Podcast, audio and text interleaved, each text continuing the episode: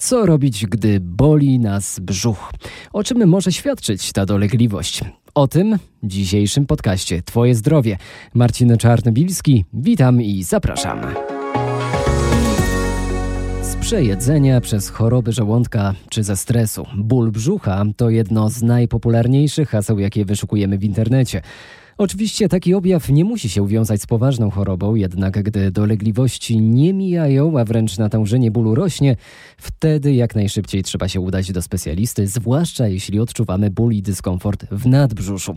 Może nam się czasami wydawać, że boli nas żołądek. Tymczasem wcale nie oznacza to problemów z tym konkretnym narządem. W jamie brzusznej jest wiele narządów, które mogą dawać podobne objawy, które są niecharakterystyczne i bez dokładnej diagnostyki, bez wykonania badań nie da się odpowiedzieć, z jakiego narządu pochodzą dolegliwości. Mogą być objawy ze strony trzustki, mogą być ze strony jelita grubego. W przypadku zawału mięśnia sercowego mogą również być dolegliwości bólowe w nadbrzuszu, tak zwana brzuszna maska zawału mięśnia sercowego. Tłumaczył dr Jan Pruszowski, kierownik oddziału gastroenterologii i onkologii przewodu pokarmowego w Szpitalu Świętej Barbary w Sosnowcu. Wróćmy jednak do dolegliwości związanych z układem pokarmowym. Gdy odczuwamy nieprzyjemne pieczenie w okolicach brzucha, mówimy, że mamy zgagę. Ale uwaga, to może być objaw choroby refluksowej. Na czym polega i jak sobie z nią radzić, wyjaśnia gastrolog dr Sławomir Krzemiński.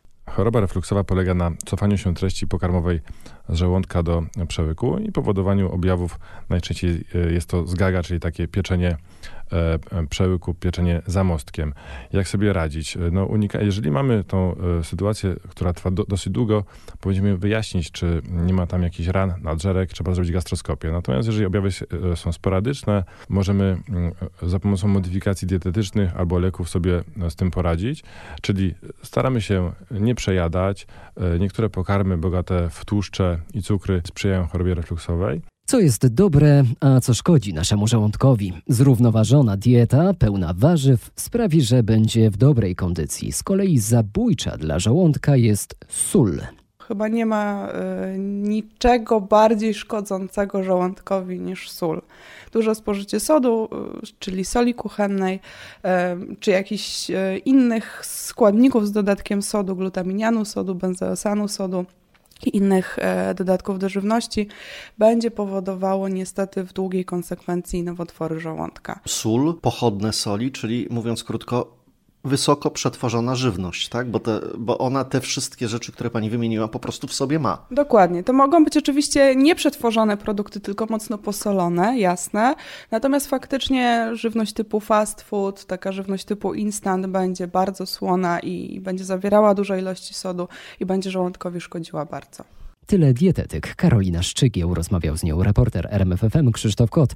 A wszystko o zdrowym odżywianiu na portalu Twoje zdrowie rmf24.pl. Należy szukać przyczyny bólu, a nie eliminować go, podkreśla gastrolog dr Sławomir Krzemiński.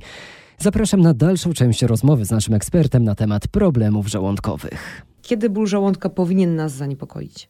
Ból brzucha. Tak, no właśnie. Czasami nie jesteśmy pewni, czy to żołądek, czy może jakieś inne narządy, mhm.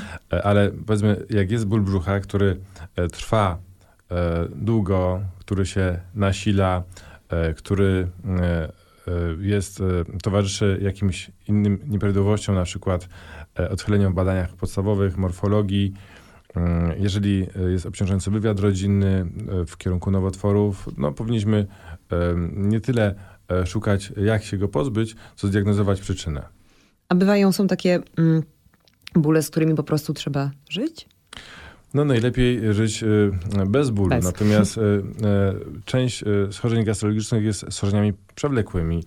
I to zarówno mówię tutaj o takich dokuczliwych, ale niegroźnych zespołach, jak na przykład zespół lita nadwrażliwego, jak i o chorobach zapalnych jelit. Czy towarzyszą temu dolegliwości bólowe, ale jeżeli są e, te objawy prawidłowo leczone, no to e, te okresy remisji objawów, czyli braku ich występowania, są czasami bardzo długie.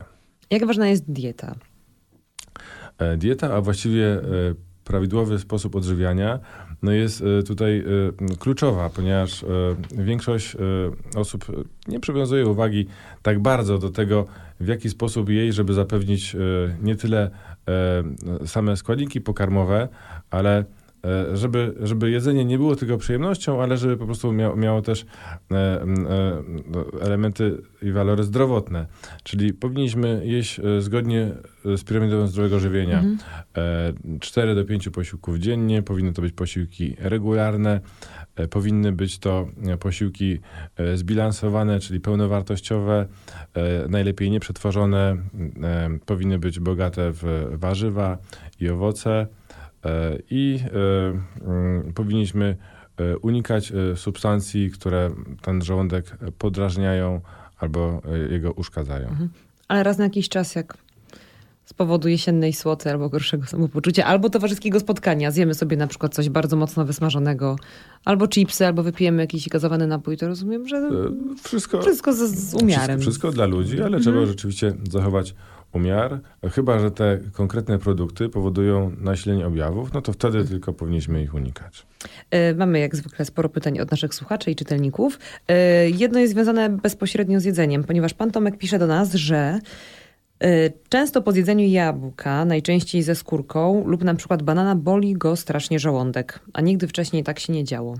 Czy to może być objaw jakiegoś problemu? Mhm.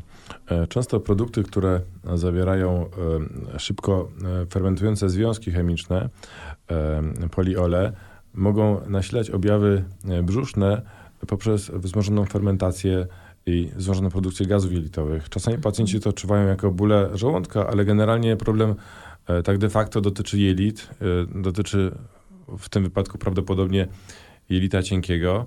Takim najprostszym sposobem, żeby ocenić, e, czy ta flora bakteryjna nie jest zaburzona, jest wykonanie e, takiego nie, nieinwazyjnego testu oddechowego w kierunku przyrostu flory bakteryjnej jelita Czyli lepiej zrobić badania i, i mieć wtedy ewentualnie e, wszystko. E, tak. Ze specjalistą gastrologiem rozmawiała dziennikarka RMFFM Katarzyna Staszko.